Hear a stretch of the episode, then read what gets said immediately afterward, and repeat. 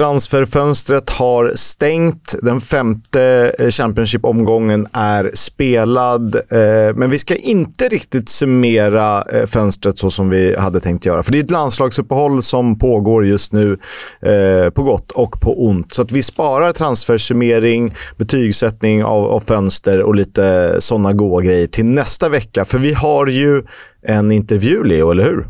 Ja, nej, men det har vi ju och vi har ju redan kört ut en del av den som eh, våra kära lyssnare vet. Men eh, i dagens avsnitt så släpper vi hela samtalet med Ken Sema och eh, King Ken, som han kallar sig själv, lätt ödmjuk. Han var faktiskt väldigt ödmjuk, han skojade mest. Men eh, intervjun med King Ken är väldigt trevlig. Han är både ödmjuk och rolig och han pratar om eh, Dels alla turer i Watford, om eh, att de har haft väldigt många tränare. Han eh, pratar om Claudio Ranieri, hur det var att jobba under honom. Han pratar om Troy Deeney, som var en av de favoritmedspelare han har haft. Eh, så det finns ganska mycket att ta av i den här intervjun. Han jämför också The Championship med Premier League och engelsk fotboll med italiensk fotboll, den också spelat. Så eh, ja, orkar inte lyssna på mig och Kisk eh, så ska ni i alla fall spola fram till intervjun och lyssna på Ken Sema, för det är nog värt eh, ett, en tio minuter, en kvart, eller hur lång det nu blev. Undersälj inte kung Kisk och uh, Leonard the Legend. Precis, absolut. Det ska jag inte göra.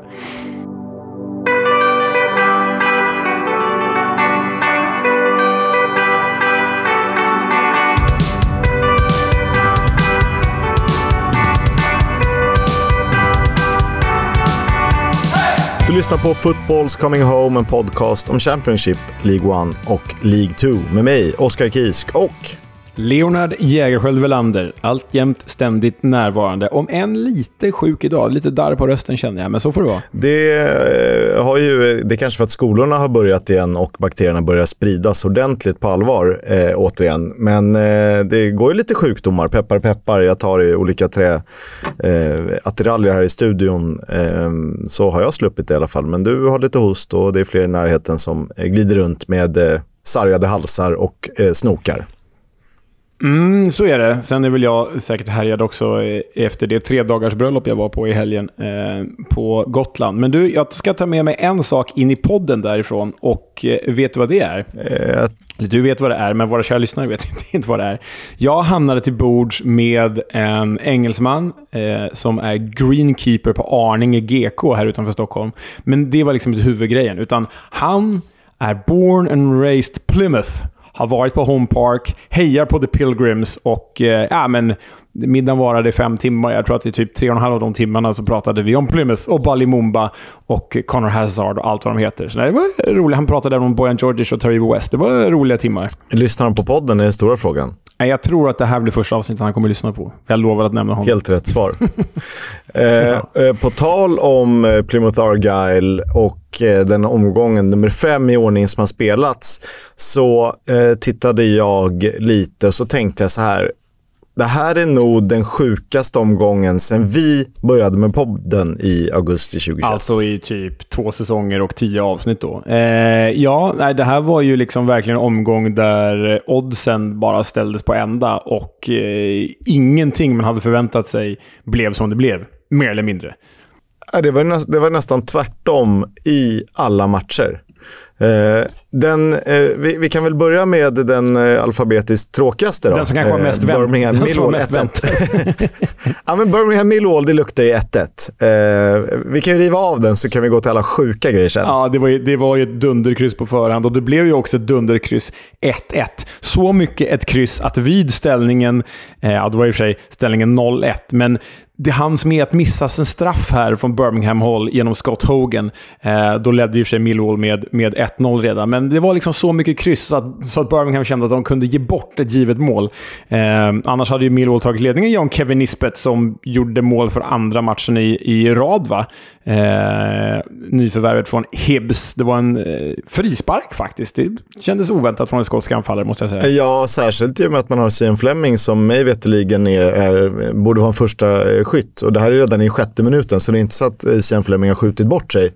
Eh, men jag tycker att han slog ett par fina frisparkar förra säsongen. Mm, ja, men det... Jag kommer dock inte ihåg om han gjorde något mål på rak arm. Nej, det kommer inte jag ihåg heller. Men det känns ju som Sian Fleming borde kliva in och ta den där. Men Kevin Nisbet visade annat. Det var ju faktiskt en ganska bra frispark. Måste ju säga att... Eh, om vi ska bara toucha Gaffer lite grann. Eh, Sian Fleming måste ju den här säsongen hittills vara den sämsta investeringen man, man kan ha gjort. Nio kostar han på mittfältet och han levererar inte alls. Så han är bytt ut nu faktiskt. Men eh, han är väl anledning, eller liksom en av anledningarna till att Millwall har öppnat lite svagt. Det här krysset i en eh, förhållandevis eh, jämn och rättvis 1 match kändes som lite också ett fall framåt. Eh, nu vann man ju senast och så poäng här. Det är ändå som att man är, börjar hitta till tillbaka till det Millwall som Gary Rowett tog till, till eh, playoff-utmanare. Eh, playoff Ja, absolut. Och de hade ju faktiskt en seg start förra året också och var ju bara en match från att sluta på playoff då. Så jag har absolut inte räknat bort dem. Jag tycker till och med att de har gjort ett av,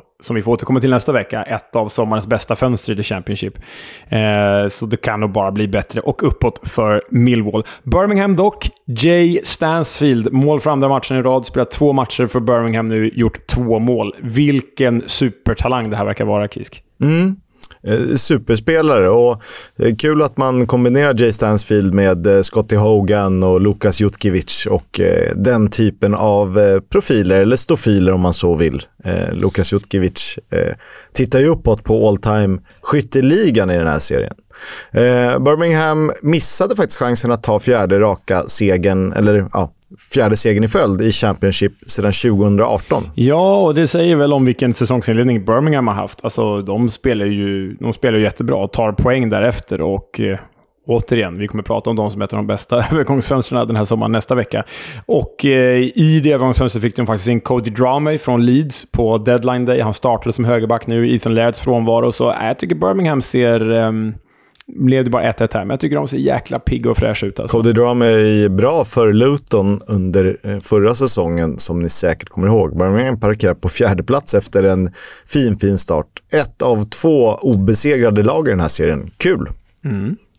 Och vi, det har vi lite pratat om, om man ser det som klubb så förtjänar de mer än vad laget har presterat eh, på ganska länge faktiskt. Ja, alltså...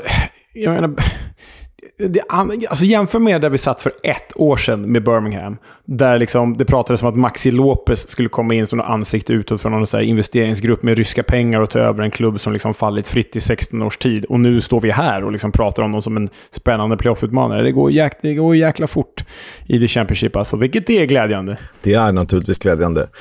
Det gick fort på deadline day för Ross Stewart, The Loch Ness Drogba, eller The, Loch, The Loch Ness Dirtbag som vissa numera kallar honom. Han lämnade Sunderland för att skriva på för Southampton, eh, vilket man till viss del kan förstå. Eh, samtidigt har ju Southampton alldeles för dyrt investerad eh, anfallsuppsättning, men det är en helt annan historia, det kan vi inte ta här. Ni kan aldrig ana hur det gick sen i den här matchen.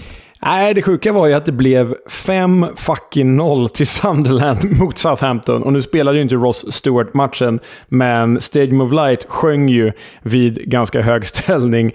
Sjöng de ju “Are you watching Ross Stewart?” och eh, det förstår man ju att de gjorde, för Ross Stewart hade ju bara ett år kvar på sitt kontrakt med Sunderland och eh, ja, bråkade ju sig mer eller mindre bort från, från de rödvitrandiga till de andra rödvitrandiga från Southampton. Och det är ju lite det här vi har varit inne på, Kisk att Sunderland har haft ganska mycket mer i sig än vad de har visat hittills i säsongsinledningen. Och att Southampton har bara väntat på att bli straffade, givet alla chanser de har släppt till i varenda jäkla match. Ja, eh, de har ju haft medstuds resultatmässigt i början. Eh, sen är det ju som det är med Russell Martin Ball. Eh, 68 eh, procent bollinnehav på bortaplan. Eh, om vänder på det då, Sunderland på hemmaplan, blott 32 procent alltså. Sen har de med 10-2 i skott på mål, vilket är en hiskelig... Sunderland alltså? Sunderland har 10, eh, Southampton mm. har 2. Eh, sen kan man ju diskutera att Southampton skulle haft en straff i 2-0. Men givet hur effektiva The Black Cats var här så tror jag inte det hade spelat någon större roll egentligen. Nej, och liksom viktigt för Sunderland också att en nyckelspelare som Pierre Ekwa på mittfältet, som ju varit ruskigt bra, Eh, fick göra både sitt första och andra mål eh, för The Black Cats i den här matchen. Och eh, Jack Clark fick göra mål efter en minut. Bradley Dack, som fortsätter vikariera som någon slags låtsasanfallare, fick göra mål. Och sen Christopher Rigg då, eh, som satte 5-0. Vad blir han? Alltså yngsta målskytten i The Championship sedan Jude Bellinghams dagar. Det är för inte så länge sedan, det är bara något år sedan, men ändå. Ja, det är fint. Eh, Joe Bellingham startade som nia för Sunderland och storbror Jude, då, numera i Real Madrid, hans nummer har ju pensionerats av Birmingham City. Han såg matchen med Sunderland-tröja. Eh, och det är väl okej. Okay. I dagens moderna fotboll så finns det ganska många värre övertramp tror jag. Ja, men fan, har man brorsan i ett lag så... Hade jag haft en bror och han hade spelat i typ Real Madrid, hade till och med jag haft en Real Madrid-tröja på Jo, jo, men du har ju tröjor från alla lag i hela världen, så det, du räknas ja, inte. Nej, men alltså... okay, absolut. Eh, nej, men eh, jag tycker ändå det här var en liten, liten fingervisning om att eh, Sandland har jäkla mer att ge, även om det ska bli spännande att se vem som ska ersätta Ross Stewart. Nu värvade de väl två anfallare på, på deadline day. Två anfallare som ingen av oss har talat om egentligen. Och sen Southampton, ah, ah, det, det är klart de inte är 5-0 dåliga i varje match, men, men um, den där defensiven, den kan vara negativt avgörande för dem den här säsongen, skulle jag säga. Eh, det ska bli intressant att se. De är ju faktiskt på minusmålskillnad nu, eh, trots att de ju tagit 10 poäng. Intressant. Och släppt in flest mål i hela serien. Exakt. Lee Trundle eh, har ett eget derby, åtminstone enligt oss. Det spelas mellan Swansea och Bristol City. Det spelades i lördags. Varenda match i omgången spelades i lördags. Men det var gästande Bristol City som tog eh, Victorian i den här fighten. Ja, och för er som inte har hängt med i våra Lee Trundle-tongångar sedan vi började så YouTuba Lee Trundle. För det är liksom som att YouTuba Dennis Bergkamp fast en nivå lägre. Det är eh, fotbollspoesi och väldigt likt Matt Letizier också. Så eh, YouTuba Lee Trundle, absolut värt det. Bristol City eh, får ju tacka Mark Sykes, Mark Sykes här som stod för 1 plus 1. Han gjorde ju, satte ju kvitteringsmålet för Bristol City och, kvitter, och eh, spelade sen fram Sam Bell till eh, det matchvinnande målet en tio minuter in i den andra halvleken. Så, och City var ju bättre. The Robins var ju bättre än Swansea i den här matchen. Det var de. Eh, Swansea hade ju tre... Nej, Swansea hade inte tre bortom. Eh, Bristol City hade tre bortom mål i den här matchen. Eh, det var väl innan eh, kvitteringsmålet kom eh, från Mark Sykes, då, alltså, som sen spelade fram Sam Bell. Liam Cullen gjorde Swanseas mål för dagen. Eh, Swansea är på nedflyttningsplats, alltjämt utan seger under Michael Duff. Eh, tror du att man har tålamod? Jag säger inte att eh, de ska göra någonting, men eh, tror du de har det? Givet att Swanseas ägare är snåla och segdragna så tror jag att de har tålamod av den anledningen. Det man ska komma ihåg med Michael Duff förra säsongen när han tränade Barnsley, ett Barnsley då som kom ner från the Championship till League One, ett Barnsley som såg ut att vara i fritt fall, inledde ju säsongen uruselt i League One. Och sen slutade de ändå på playoffplats och tog sig till playoff-final. För att på våren var ju Barnsley League Ones bästa lag egentligen. Eh, ah, lätt överdrift, men de var ett av de kanske tre bästa lagen i, i League One på våren. Och eh, därför tycker jag att Swansea ska ha tålamod med, med eh, Michael Duff här. Och dessutom då en trupp som har brandskattats ganska rejält. Det är många spelare som saknas och inte riktigt har ersatts. Alltså Joel Perreault är borta, Ryan Manning är borta, Joel Latibaudière är borta. Du är alltid så klok, Leo. Eh, Swansea Bristol City 1-2 alltså. Eh, drömmatch i vår när vi får titta på EFL-podden-resa. Mm.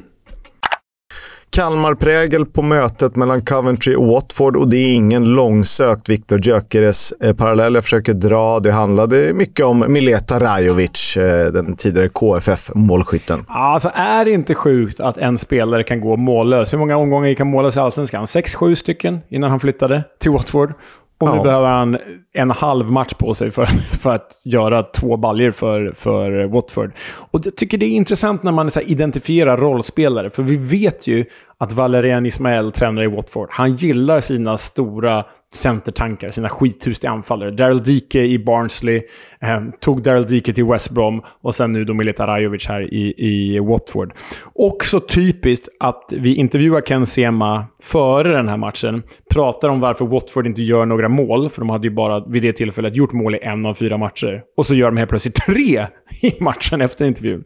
Lite typiskt. Ja, det är det eh, och Han är också en sån här expert på att nosa upp lägen. Som att han vet var bollen eh, ska hamna. Det finns ju de eh, anfallare som har galen timing. Han är definitivt en av dem. Mm. Eh, Van Ewijk eh, spelar i Coventry, nyförvärv för säsongen. Fin, fin frispark till eh, det som då blev 1-1. Kvitterade Rajovic första av två mål. Sen lite senare i matchen bjuder ju Wesley Hott på en eh, lite intressant eh, självpåse. Ja, nej men herregud. Alltså, för de som inte har sett det så är det ju en bakåtpassning i blindo som rullar rätt in i, eh, i kassen bakom Bachmann. Lite liknande den jag lyckades kommentera, eller fick äran att kommentera i Champions League-kvalet eh, förra veckan när Rangers stod för ett eh, ja, likadant självmål genom Connor Goldson. Nej, men eh, det är bara totalt hjärnsläpp från Wesley Hutt.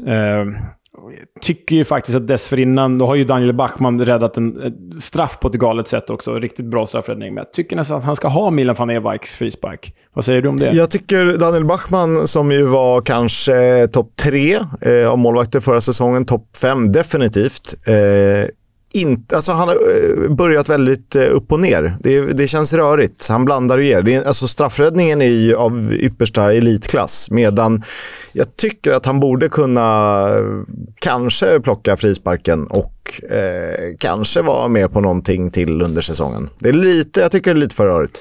Ja, och på tal om rörigt då. Coventrys anfallstrio. Alltså Ellie Sims har inte alls sett ut som den anfallare han gjorde i Sunderland förra hösten. Han kämpar fortfarande eh, för Coventry och... Eh, Hadji Wright gjorde ju mål i debuten där och sen har han inte gjort så mycket mål. Det är Matt Godden going strong, kvitterade till 3-3 87 minuter i den här matchen. Vad var det? Hans typ fjärde mål den här säsongen? Sjukt. Han har väl gjort tre den här säsongen, va? Tre. Eh, ändå starkt från en spelare som egentligen inte borde vara bärande när då Coventry tog sitt tredje raka kryss. Eh, vad det nu säger om Coventry. Får ni analysera lite själva.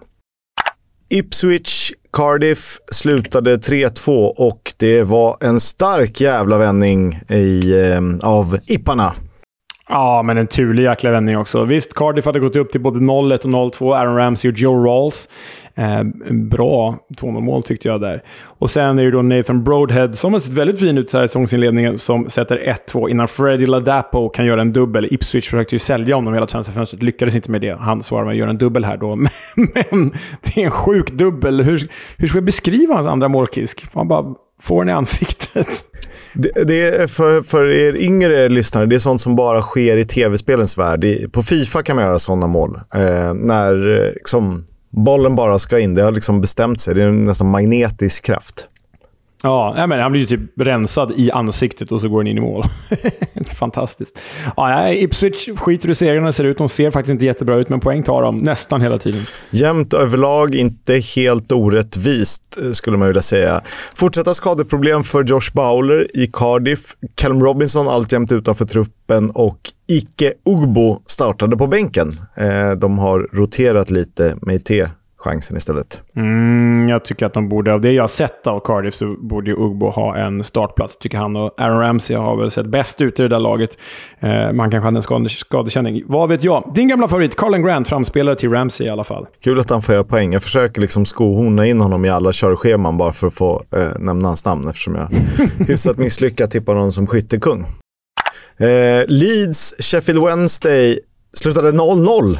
Ja, i detta Yorkshire-derby. Och det här kändes väl ganska konstigt ändå när Leeds ändå fått in flera bra värvningar på slutet. När de gör fyra mål i förra omgången och när Sheffield Wednesday bara har sett supersämst ut. Inte bara som Championships sämsta lag, utan som IFLs, hela, hela IFLs sämsta lag. Och så blir det 0-0 eh, i en svår bortamatch. Nej, jag vet inte vad man ska säga här mer än att eh, vilken oväntad poäng för Wednesday. Ja, särskilt eftersom, man, eh, eftersom att gästerna vann skottstatistiken på Ellen Road. Eh, det borde inte höra till vanligheterna. Det är helt ologiskt. Jed Spence, Glenn Kamara fick debutera för Leeds när de kom in sent.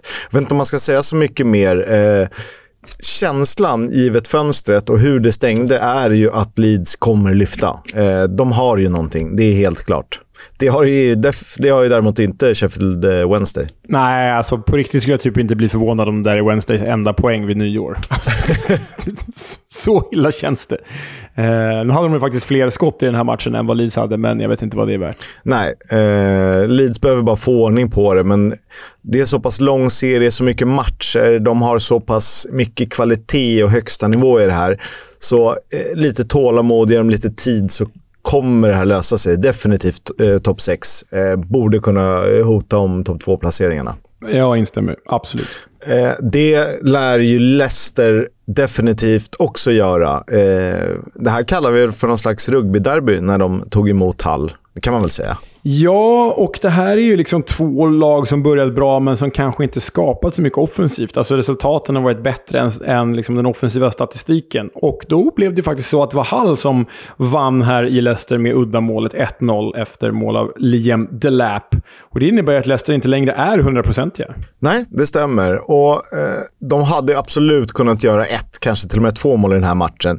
Men det ska ju eh, skriva, eh, tillskrivas då att de noterades bara för ett avslut på mål. Eh, men i all övrig statistik var de helt överlägsna och de hade väl ett, eller om det var två, eh, träffar i ramen. Eh, Liam Delap fick göra um, matchens enda mål i den 15 minuten. Fint segermål, avslut från kanten. Samma Delap som gjorde sin Premier League-debut mot just Leicester. Ja, han ser ut som en helt annan spelare än den vilsna valp vi såg liksom harva runt i både Preston North End och Stoke förra säsongen.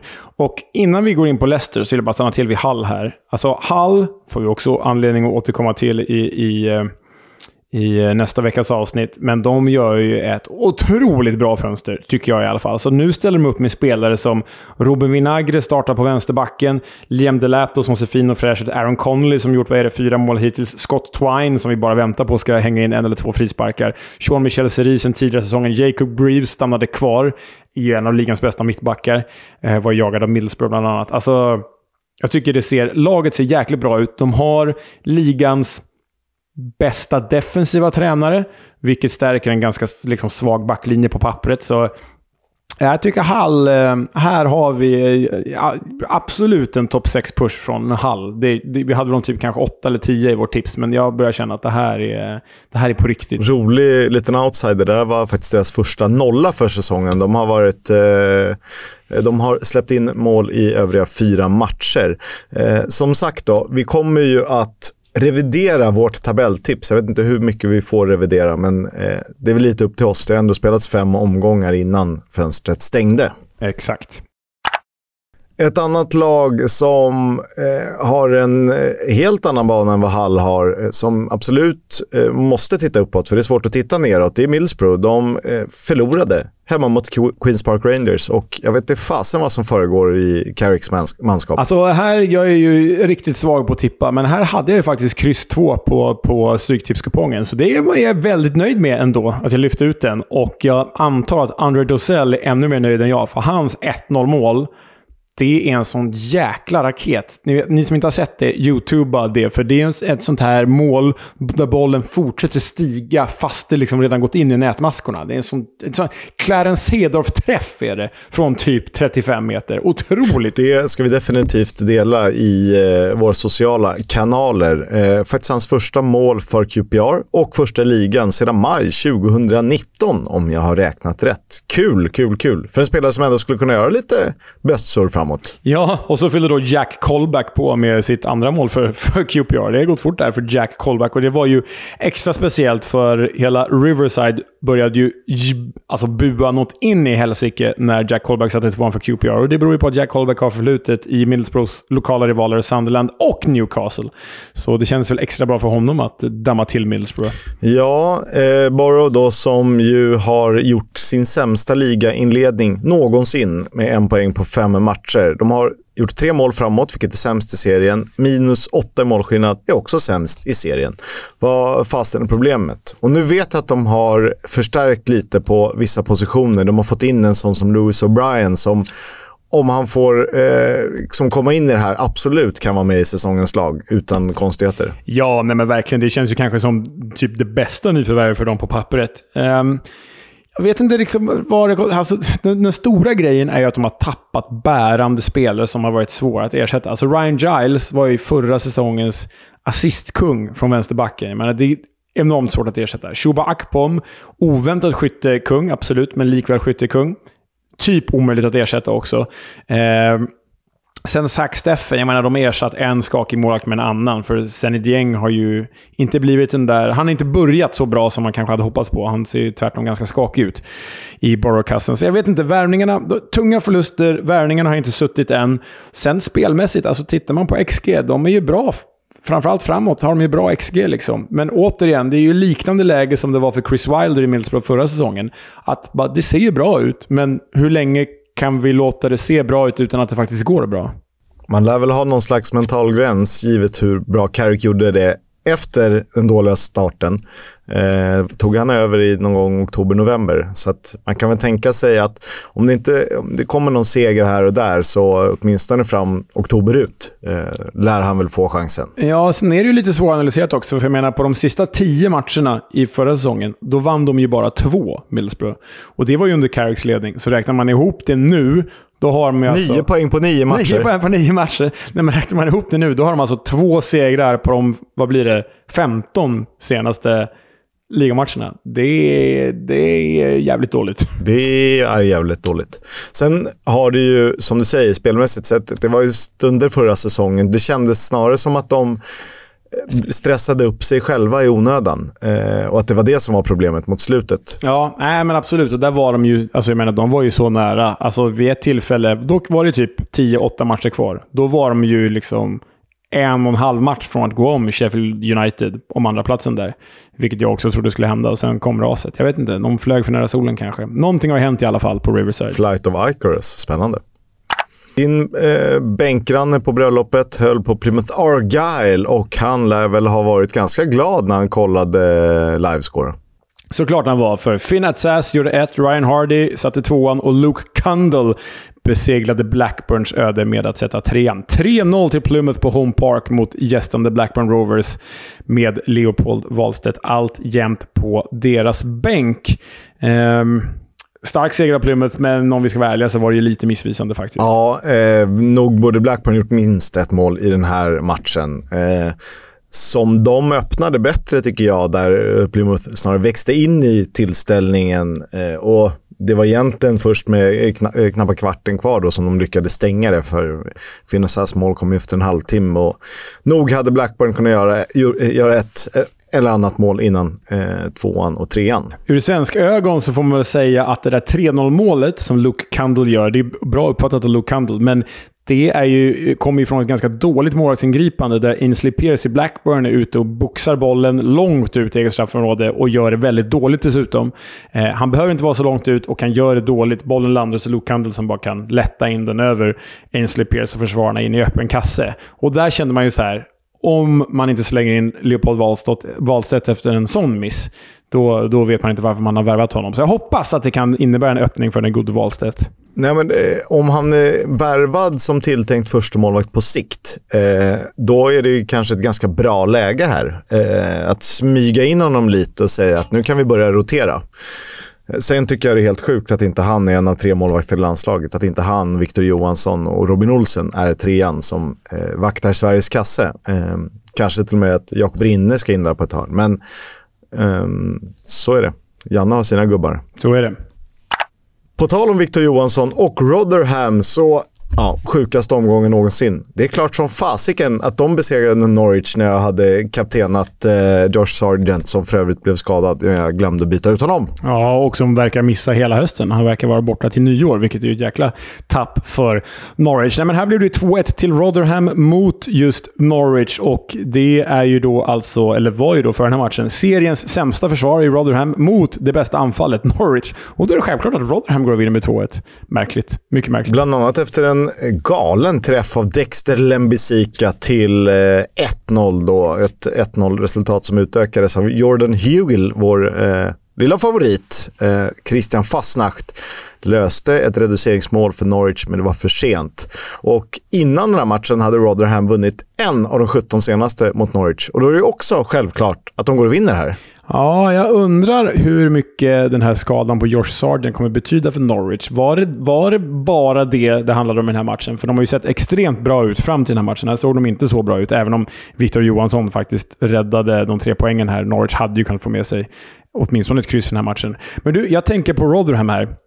Om man tittar på truppen. Jag, tyck, jag tyckte redan förra året att de hade en av de tunnaste trupperna förra säsongen. Nu tycker jag att truppen är ännu tunnare efter fönstret som har varit. Men jag tycker att de har mer spets, faktiskt. Vad säger jag om det? Ja, men det, det, kanske ligger någonting i det. Vissa har ju också blivit ett år äldre i sina roller. Um, Fred Onjedinma är definitivt en spetsspelare. Ja, liksom han är på, på en annan nivå än vad liksom någon offensiv eh, Rotherham-pjäs hade förra säsongen, skulle jag säga. Men eh, om en sån som Jordan Hugel går sönder, så undrar jag om de inte är rökta. Och det, det, är ganska, det är ganska tunn tråd att balansera på om man förlitar sig på att Jordan Hugill ska göra allt i ett anfall. Ja, nej, nej, nej. Um, det, ja, så, så, är det ju. Men liksom, i, i, en, i ett Rotherham-perspektiv tycker jag ändå att de är spetsigare än förra säsongen. Ja, kanske. Uh, det ligger någonting i det. Särskilt när man har Dexter Lembisika. Exakt. Jävla toppnamn också. Ja. Rotherham Norwich alltså 2-1. Stoke, Preston, North End slutade 0-2 och eh, ingen Haksabanovic med i matchtruppen när Potters då föll mot vad som är nya serieledarna. Ja, som du varnade så gott för inför säsongen i vår guide, som typ fortfarande håller. Lyssna gärna på den. Alltjämt det bästa avsnittet varje säsong. Äh, men, eh, Preston vann ju med 2-0 borta mot Stoke och Will Keane blev matchvinnare med sina två mål. Vilken värvning det ser ut att vara, Kisk. Ja, helt sjukt. Man tänker på Keane och Broadhead i Wigan förra säsongen. Ganska bra att plocka upp dem. Ja, nej, otroligt starkt. Alltså, sen var det ju så att liksom Stoke dominerade ju den här matchen sett till bollinnehav. Det, det, det, vad är definitionen av dominera en match? Är det att äga boll? För jag menar, det var ju Preston som hade fler farliga chanser här. Det är det ju. Och eh, komma till fler avslutslägen och eh, alltså nå chanser. Eh, kanske då. Eh, medan PNI då hade kanske fler farliga skott på mål.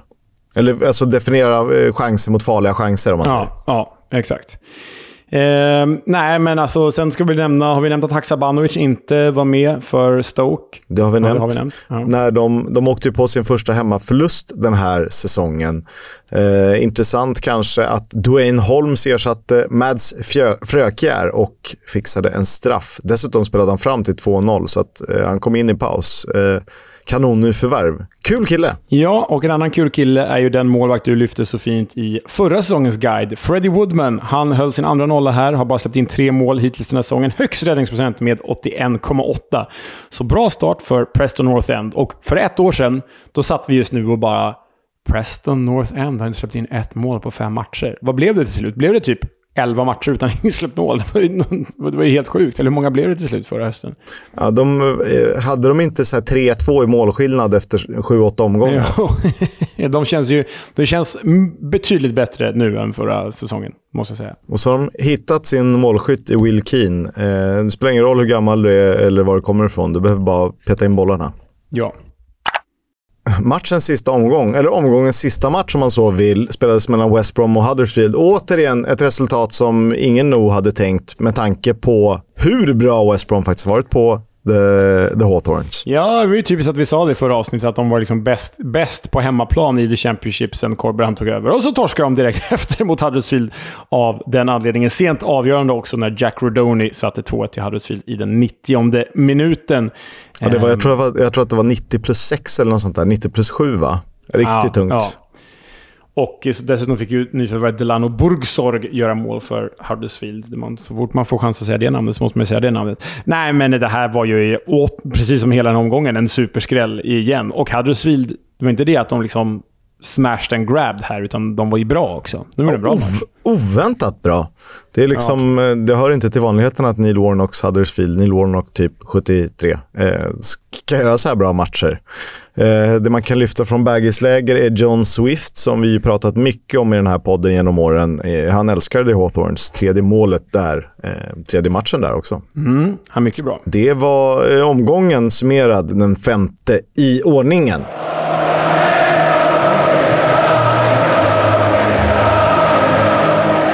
Fotbolls Coming Home sponsras av Stryktipset, ett spel från Svenska Spel, Sport och Casino. För dig över 18 år. Stödlinjen.se. Det blev ingen som fick 13 rätt senast och lyssnade ni på genomgången så förstår ni definitivt varför. Det var ju skrällar åt höger och vänster. Veckans kupong släpps torsdag 07.00 men av de matcher man vill haka upp sig på så är ju Estland-Sverige för egen del eh, fantastiskt rolig med eh, en fot i respektive nation. Ukraina-England blir också en speciell match såklart. Annars kan man väl lyfta två intressanta matcher i League One där serieledande Exeter tar emot bottenlaget. Fina, fina Leighton Orient. Uh, har man inte varit på Brisbane Road Matchroom Stadium, då har man inte sett livet. Eller något sånt där, sa Björn Ranelid. eh, I den andra matchen ska Stevenage resa till världens ände. Carlisle. Leo då? Vad blir fotbollspaus i helgen eller landslagsglädje? Vad väljer du? Det är, det är ju aldrig fotbollspaus. Eh, landslagsglädje kommer nog inte vara så jäkla glatt med tanke på att jag ska se Sverige spela borta mot Estland på TV med mina kompisar. Så det blir ju trevligt, men, eh, men eh, det vet tusan om det kommer gå bra. Så jag tittar ju alltid på när landslagen är igång. Vad gäller eh, League One så läste jag att eh, ingen nykomling har fått en bättre start i League One någonsin än vad Steven Edge har fått nu under tränare Steve Evans. Så eh, den kanske man ska spana in ändå, Steven Edge mot Carlisle just. Det är ju det är ju för finsmakaren, det måste erkännas. Definitivt, men vi har väl aldrig aspirerat på att vara något annat än det. Vi är definitivt för finsmakare. Jag undrar om inte Steven Edge mötte Tottenham en gång i tiden. Det finns en jävla ball bild. Tottenham ställde upp med någon så här konstig 3-5-2. Ryan Nelson skulle styra försvaret. Och det enda jag kommer ihåg, mer än att jag förmodar att Spurs vann, är ett eh, cirkustält i den amerikanska flaggans färger i bakgrunden. Eh, du vet, så här låga läktare. Ja, ja. Sjuk grej att jag kommer ihåg det. Ja, det är sjuk grej. Jag, jag vill bara poängtera här, det komma, komma ett argt mail från mig här snart, men jag noterar att på, i Googles eh, spelschema så har Steven Edge fel klubbmärke. Det är sånt jag hör av mig om på, på fritiden. Kul liv. Tack. Vi kan väl dra lite bekräftade transfers som kom in sent under fönstret. Vi har redan sagt att Jed Spence, hön i högback, gick från Tottenham till Leeds på lån.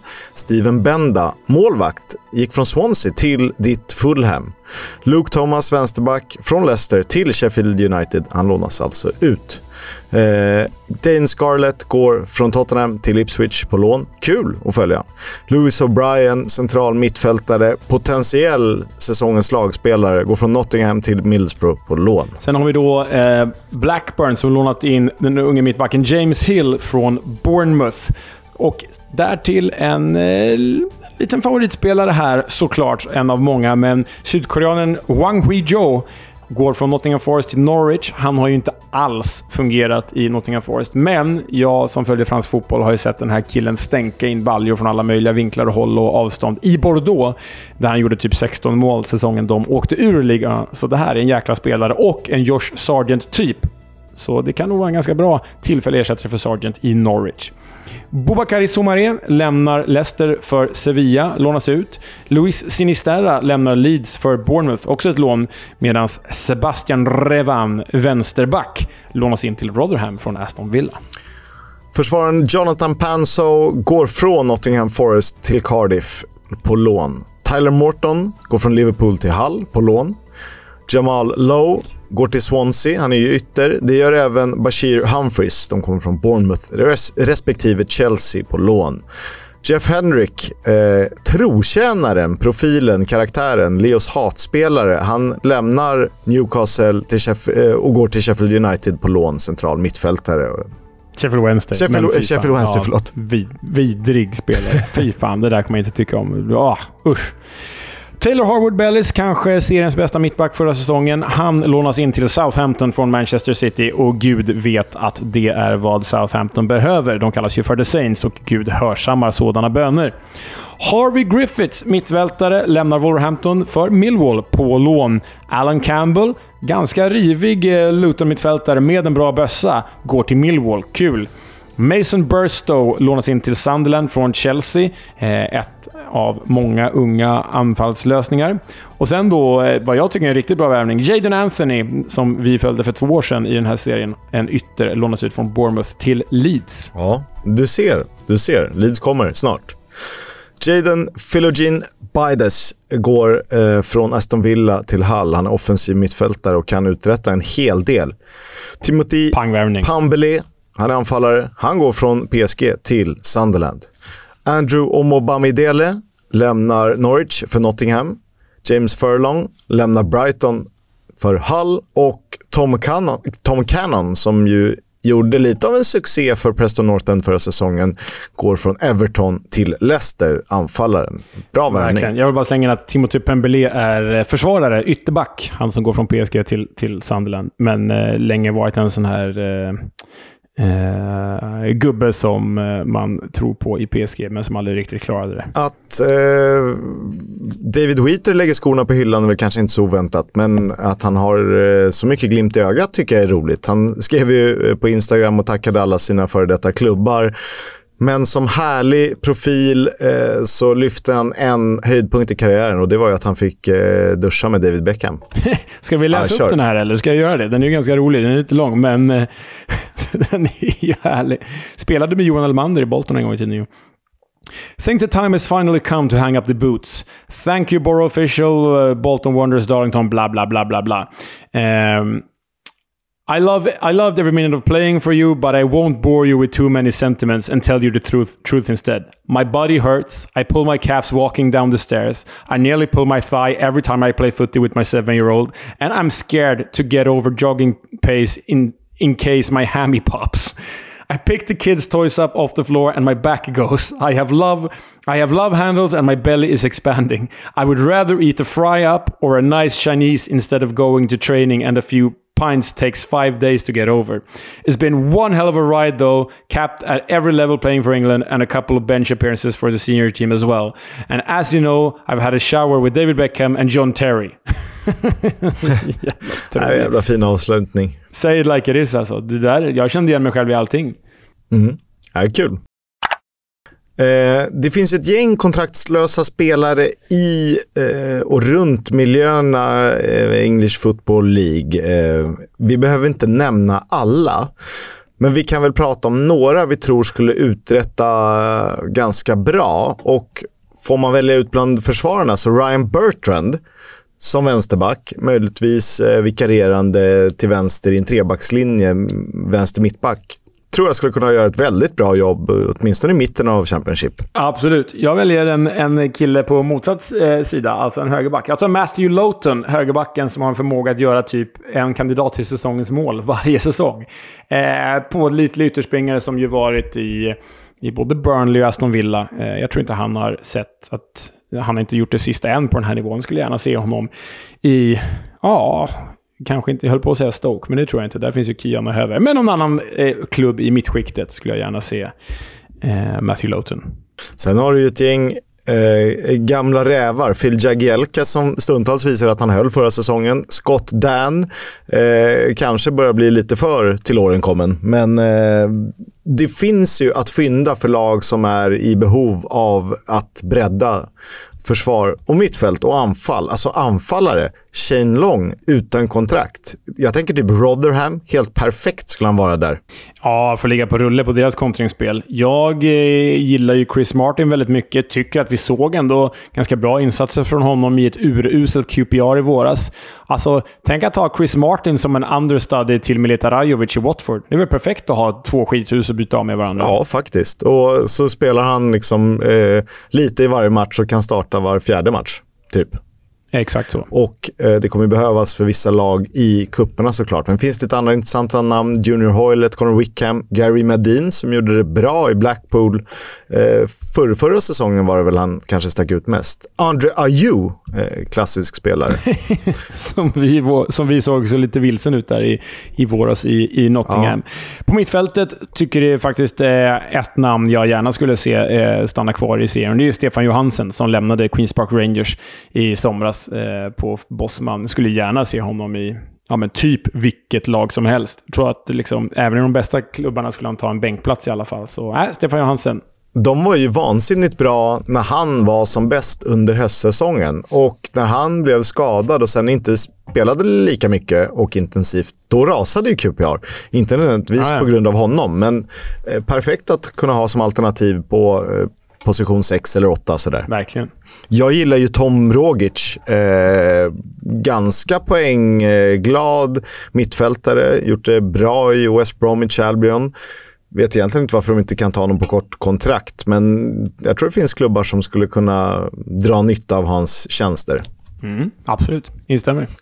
Sen finns det lite andra favoriter. Eh, Josh Honoma såklart. Trodde mer, jag trodde att han skulle bli mer. Mandy, en av dem. Inte, de, eh, inte den, den eh, som har varit så omtvistad. Nampalys Mondy, eh, Leicester va? Har han varit i. Skulle vara någon Ja. i N'Golo Kanté. Blev väl inte riktigt så kanske, men ja, ja. Luke Freeman, Dan Gosling, Liam Bridcutt, Sam Klukas eh, för att nämna några andra. Men det finns gott eh, om roliga karaktärer där ute att eh, plocka upp, såklart. En spelare som är under kontrakt och gör det bra på lite olika positioner. Har spelat vänsterback, har spelat vänsterspringare, eh, har spelat vänsterytter, har eh, ägt den där korridoren på Vicarage Road strax utanför Sir Elton John Stand. Har ju du fått ett gott snack med Leo Ken Sema. Ja, eh, jag vet inte om vi behöver presentera honom mer än så. Jag tycker vi bara kör intervjun. Det var en eh, väldigt ödmjuk och eh, härlig kille. Precis som man kan förvänta sig egentligen. Så vi kan väl lyssna på vad han sa. Ja, Ken Sema, välkommen till EFL-podden, eller Football's Coming Home, som vi, som vi krasst nog kallar den. Tack så mycket. Du, eh, jag har jagat dig länge nu. Ja, men det tycker jag. Så, det känns som att nu var det dags att vara med. Jag vet inte hur många år än. Det kan vara två, tre år? det, det... Så det var dags nu.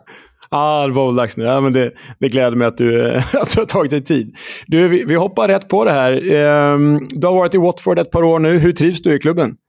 Nej, det känns bra. Jag har varit där länge nu faktiskt. Jag kom ju hit redan 2018. Um, ehm, så då var vi ju ja, med i den högsta ligan i Prem. Uh, och det var ju det var helt otroligt liksom. Um, jag har varit där länge så jag trivs bland de äldre nu i laget en ny roll. Men, eh, men jag trivs, jag trivs.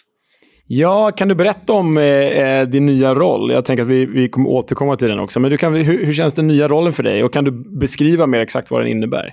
Nej, men nu har man väl alltså, har varit i klubben ändå ett tag, så man känner ju allt och alla, kan klubben innan utan till. Eh, har blivit liksom en av de här äldre.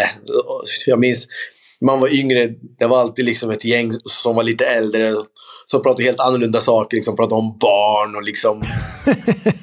det så smart och, det, och lite så. Och, man, och innan så var man ju själv alltså, lite, lite ung och nyfiken och, och var med de liksom unga spelarna som sagt. Eh, så nu är man själv den här äldre, den här som ja, men, har mycket rutin och sådär.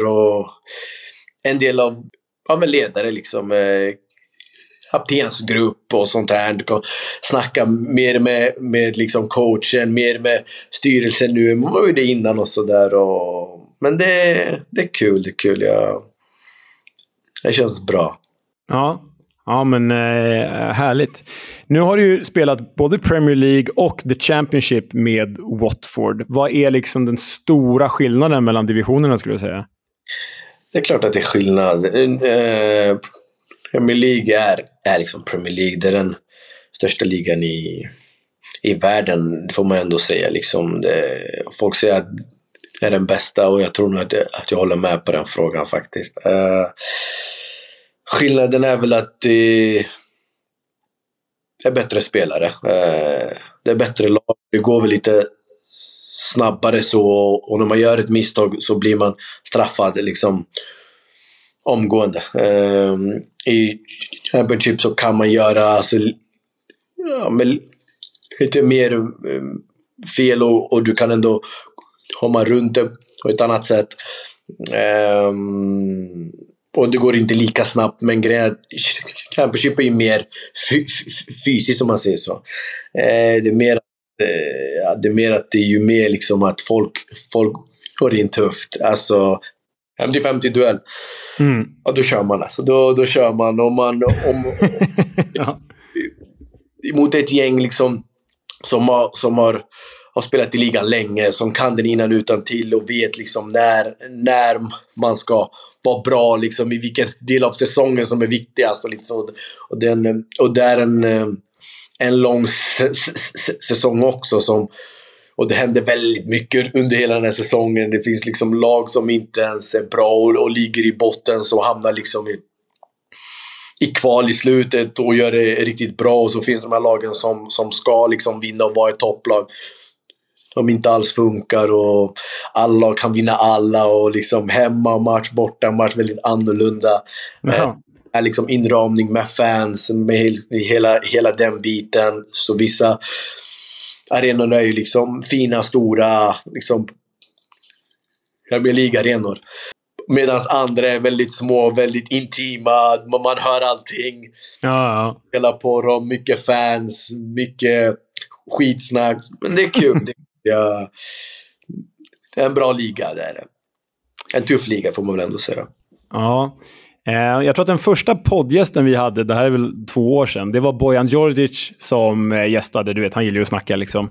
Eh, men han, men han sa då, om jag minns rätt, han kallade The Championship för Europas sjätte bästa liga.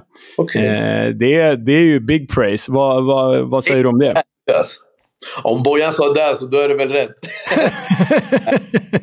Ja, Ja, han var bra. Ehm, du nämnde där också att det är, så här, det är olika arenor. Man kan komma till en stor Premier League-arena, man kan komma till en liten intim arena.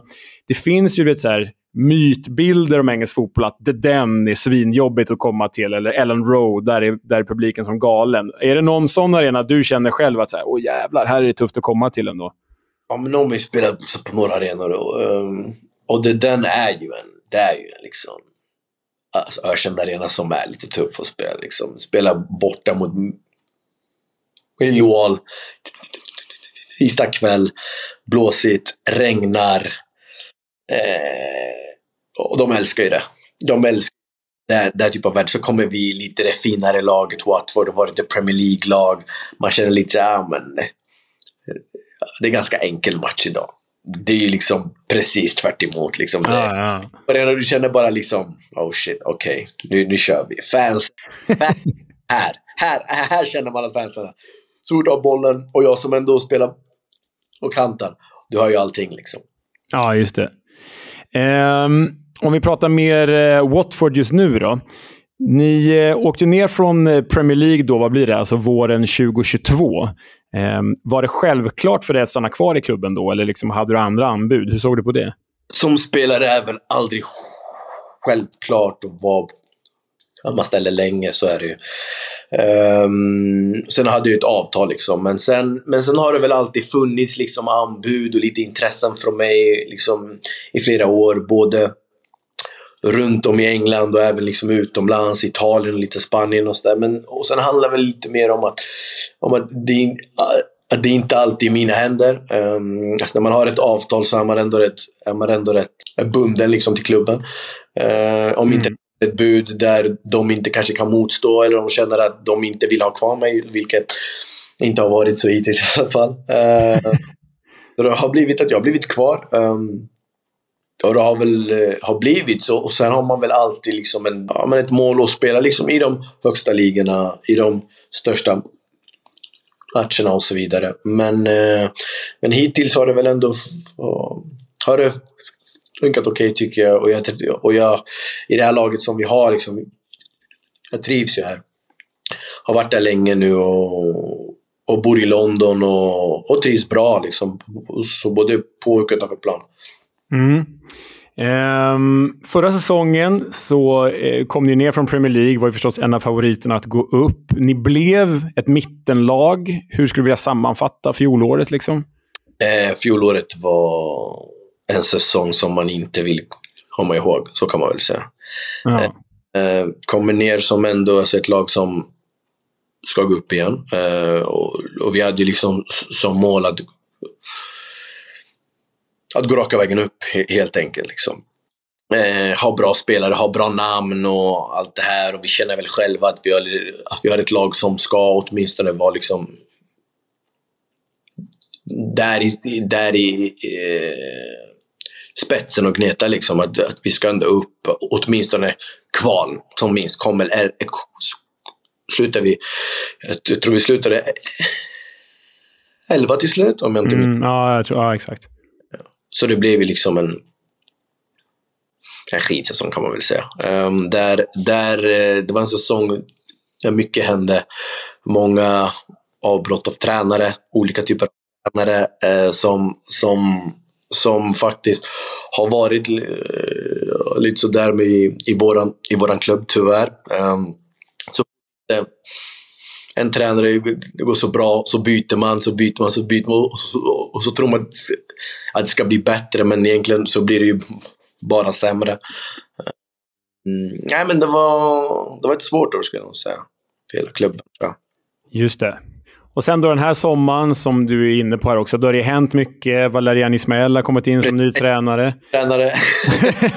Precis. Men också stor ruljans på spelare. Liksom såna, ja, man får väl säga klubblegendaren som Craig Cathcart och så har liksom försvunnit. Eh, hur skulle du vilja beskriva sommaren och er säsongsinledning hittills då? Ny tid kan man väl säga. Alltså mm. hela de här spelarna som har varit med när jag kom, liksom den här eran.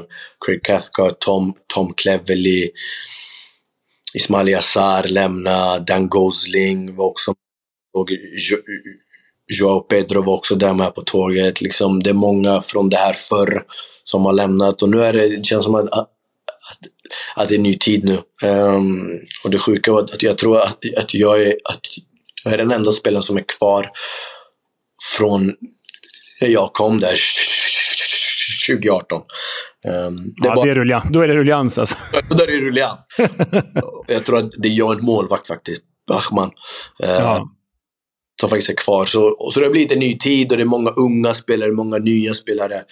Uh, men grejen jag, jag, jag tror att det kan bli en bra säsong verkligen. Och nu har vi liksom en tränare och ett lag som ändå har en spelidé.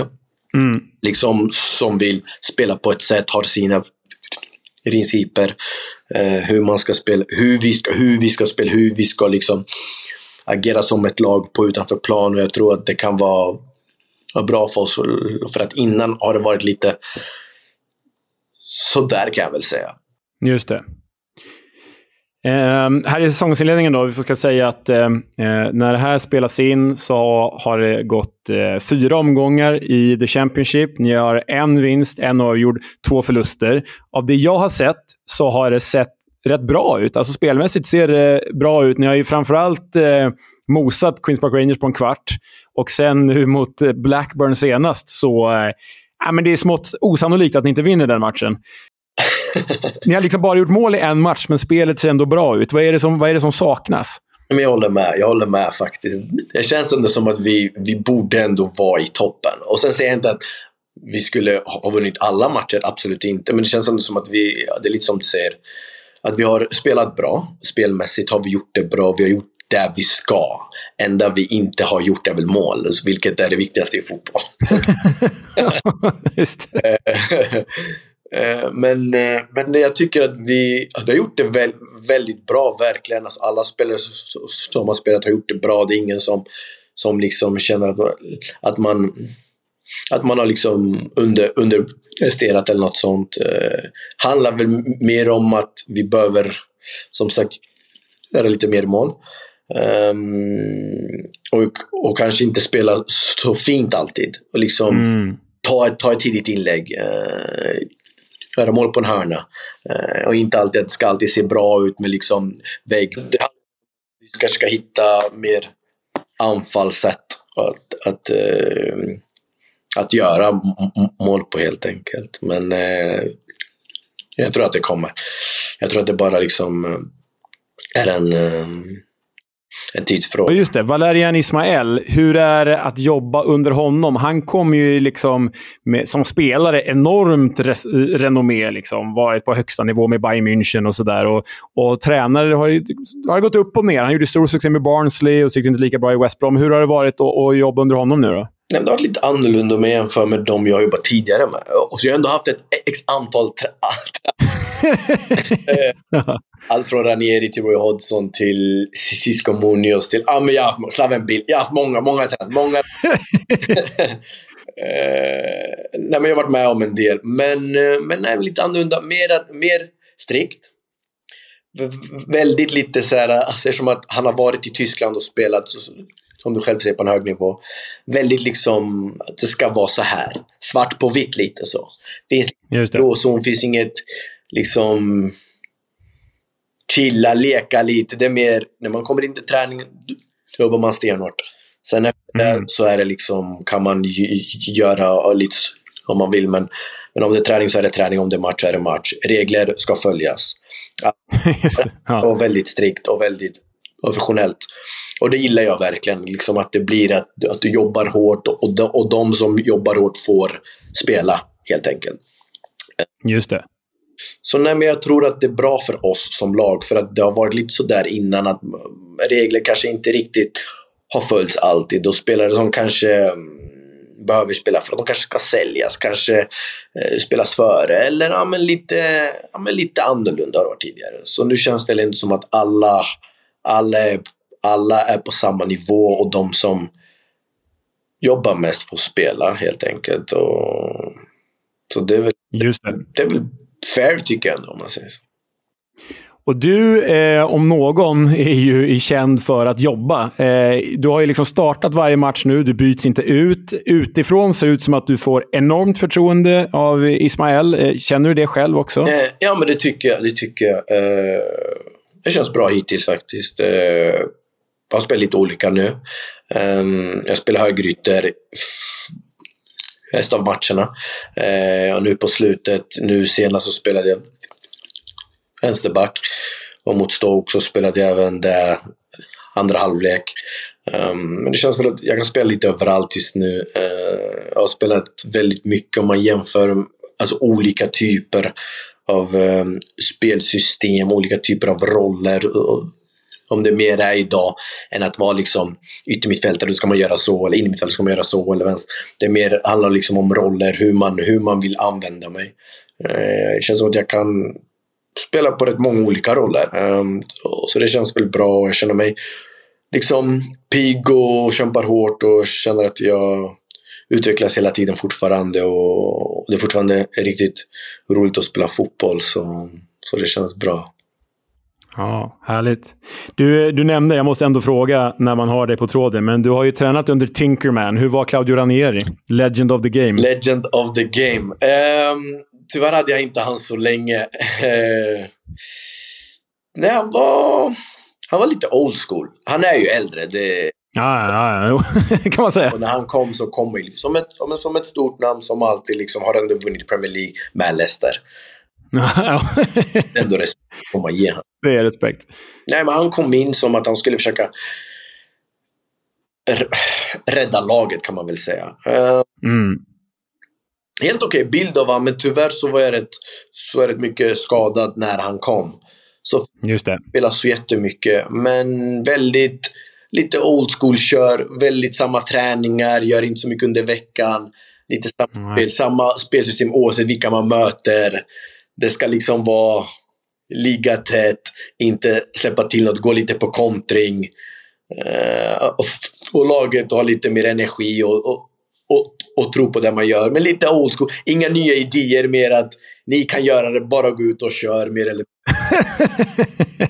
men, ehm, men, ja, men lite rolig typ som ändå alltid försökte att göra det bästa han kunde. Eh, och så var han ju lite, så var han ändå lite, han är lite äldre och, och så han var lite sliten måste man ändå säga, liksom lite halvtrött. Men eh, han gav den chansen då. Han gav den chans. Ja. Du, ehm, under alla de här åren, vem har varit liksom din bästa lagkamrat? Vem har du teamat ihop mest med? Vem har du funkat bäst med privat? Liksom? Vem har varit din polare? Oj. Um... Jag hade några stycken. Jag tyckte om Hojdini tyckte jag väldigt om. Inte mm. att vi hängde så mycket utanför. Men just liksom i laget och runt omkring laget och sådär så var han, så var han nog den som in mig i laget och tog hand om mig när jag kom. Liksom. Han, han var alltid en som ändå fick mig att förstå vad det är jag behöver göra för att få spela och liksom hur jag, hur jag skulle agera i vissa situationer. och och lärde mig rätt mycket. så Sen eh, en sån som eh, Adam Asina, en bra vän till mig, eh, som mm. Udinese. Eh, en bra vän till mig. Chaloba. Chaloba också en bra vän till mig och vi hängde rätt mycket också. Så ja. stycken, det är några stycken.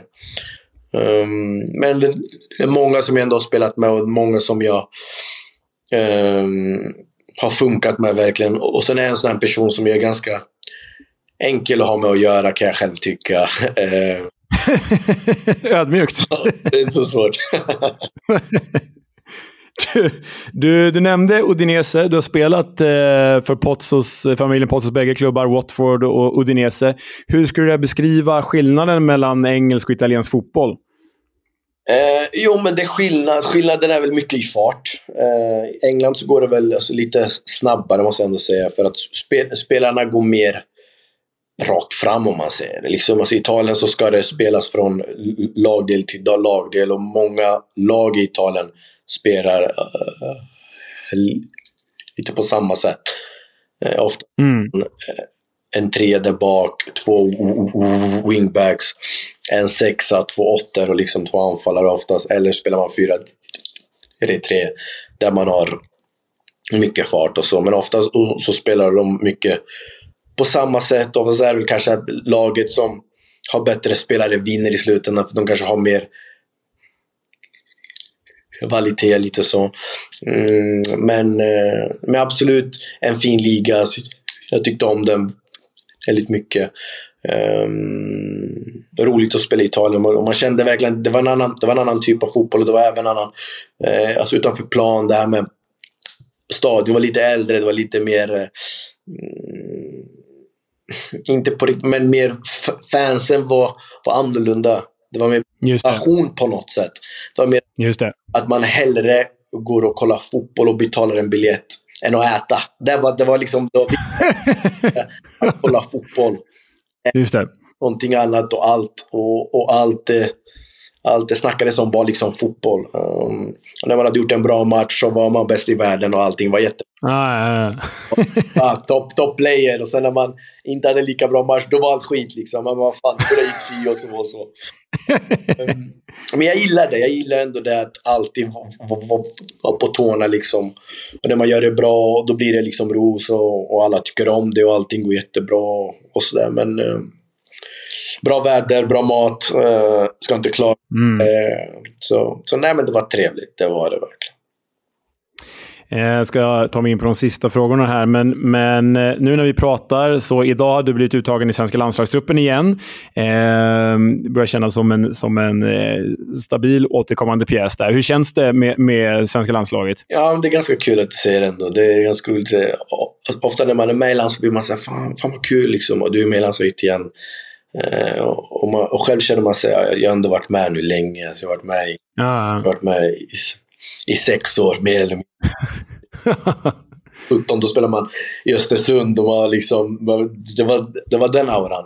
Um, så jag har inte varit med länge, men sen kan jag väl även själv tycka att jag kanske inte riktigt har, har slagit mig in.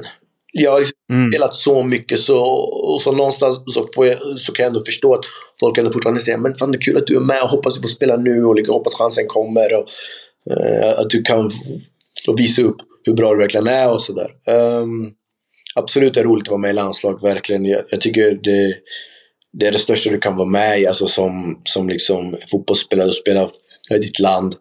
Uh, det, det, är liksom en stolthet där och när man går liksom så till, till, uh, till mästerskap, det, det är otroligt. Liksom. Mm. Att vara med i EM, det, det, det är jävligt häftigt verkligen och, och, då, och, då, och då känner man egentligen hur stort det är och liksom allt man har kämpat för.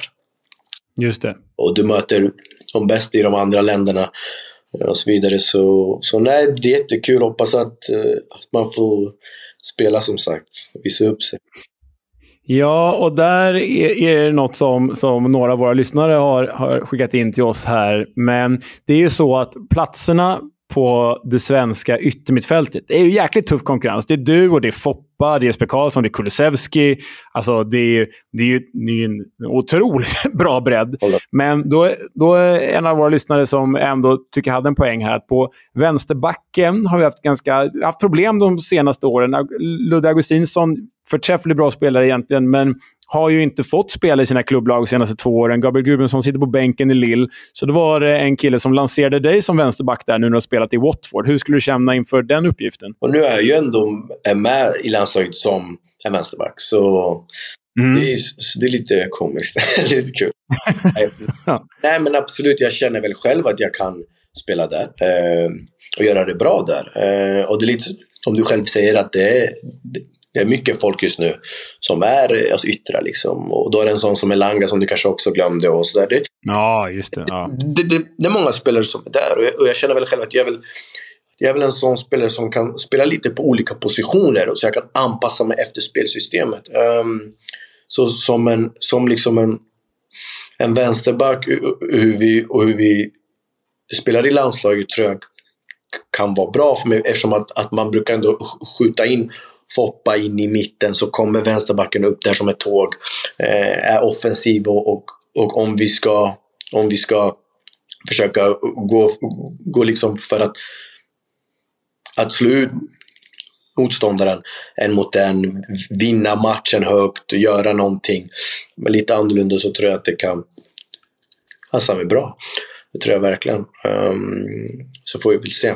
Alright. Du, Ken, det var allt jag hade. En sista grej då kanske. Har du något tips till de som vill besöka Vicarage Road och kolla på Watford? Ja, vilken arena. Den är, den är otrolig alltså. Uh -huh. eh, nej, eh, tips var... Nej, men det är klart att ni måste, ni måste besöka arenan liksom. Ligger bra, fin arena. Um, rätt så mysig. Um, jag är ganska stor där, så det är klart att man ska komma. bra, det blir bra slutord. Okej, okay, hörni det. Alla åkte Vickers Road och hejar på Ken. Ja. Då blir ni välkomnade. ja, roligt att höra Ken Sema. Verkar vara en väldigt, väldigt fin person. Ja, alltså jag messade honom efter den här intervjun och, och sa att eh, tack för att du tog dig tid, eh, kul avslut, bla bla bla. Eh, vi får ta oss till Vickers Road någon gång. Och då, sa, då svarade han Säg bara att ni känner mig. Alla älskar King, alla älskar King Ken. Så det, ja, det... det är otroligt roligt ju. Eh, jag hoppas han gjorde det med glimten i ögat, för det ja, känns inte det, likt det honom. Det gjorde han definitivt. Det gjorde han definitivt. Lite Ska vi besviken... åka till Watford och ställa oss utanför Vicarage Road och säga vi känner King Ken? De bara, varför, varför är ni inte här med honom då? Varför står ni och säger det till oss? Men eh, jag måste säga att lite besvikelse över att Claudio Ranieri inte var så rolig och härlig som han verkar utåt. Det, det gjorde mig ändå besviken. Ja, det är um, smällar man får ta. We'll have a chat about the fucking game. About your game, last few months, last few weeks. Fucking character.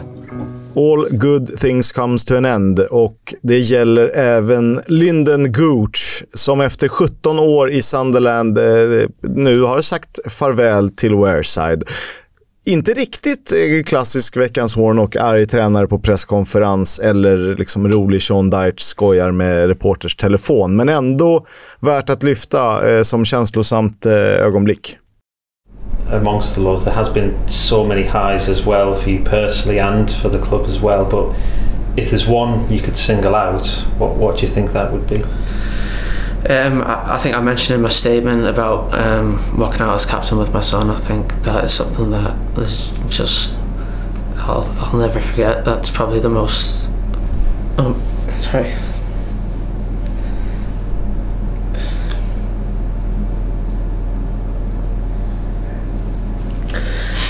Um, that, that probably means the most to me for sure. Cheers, second. Yeah, probably. Sorry. Nej, det, är ju, det, det, det, här var ju inte hur som, som det brukar vara i veckans Warnock, men det var ju ändå väldigt fint. Nå, någon gång är ju faktiskt Neil Warnock fin också. Det får vi ju ta för den här stunden. Nej, men väldigt fint av Lyndon Gooch. Amerikanen som... Vad var han? Var han 11 år i Sunderland? 12 år? 11 år? Något sånt där. 17 år. 17 år! Jesus Christ. Då räknar man ungdomslag då. Herregud. Ja. Exakt. Han, jag tror han var, han var väl där och provspelade redan som tioåring eller något sånt där och åkte dit, om jag förstod det rätt, på typ lov eh, för att få fotbollsfostran i The Black Cats. Wow. Bra story. Bra story. Det var allt för den här veckan. Säsongens och eh, den här poddens sjukaste omgång har summerats. Äntligen har vi haft med Ken Sema i podden. Nästa vecka ska vi alltså summera transferfönstret ordentligt och betygsätta och revidera vårt tabelltips. Mm, det blir kul. Det hoppas jag verkligen. Då kan vi få chansen att skratta åt oss själva. För så kalla är vi. Men eh, tills dess, eh, på återhörande. Hej, hej.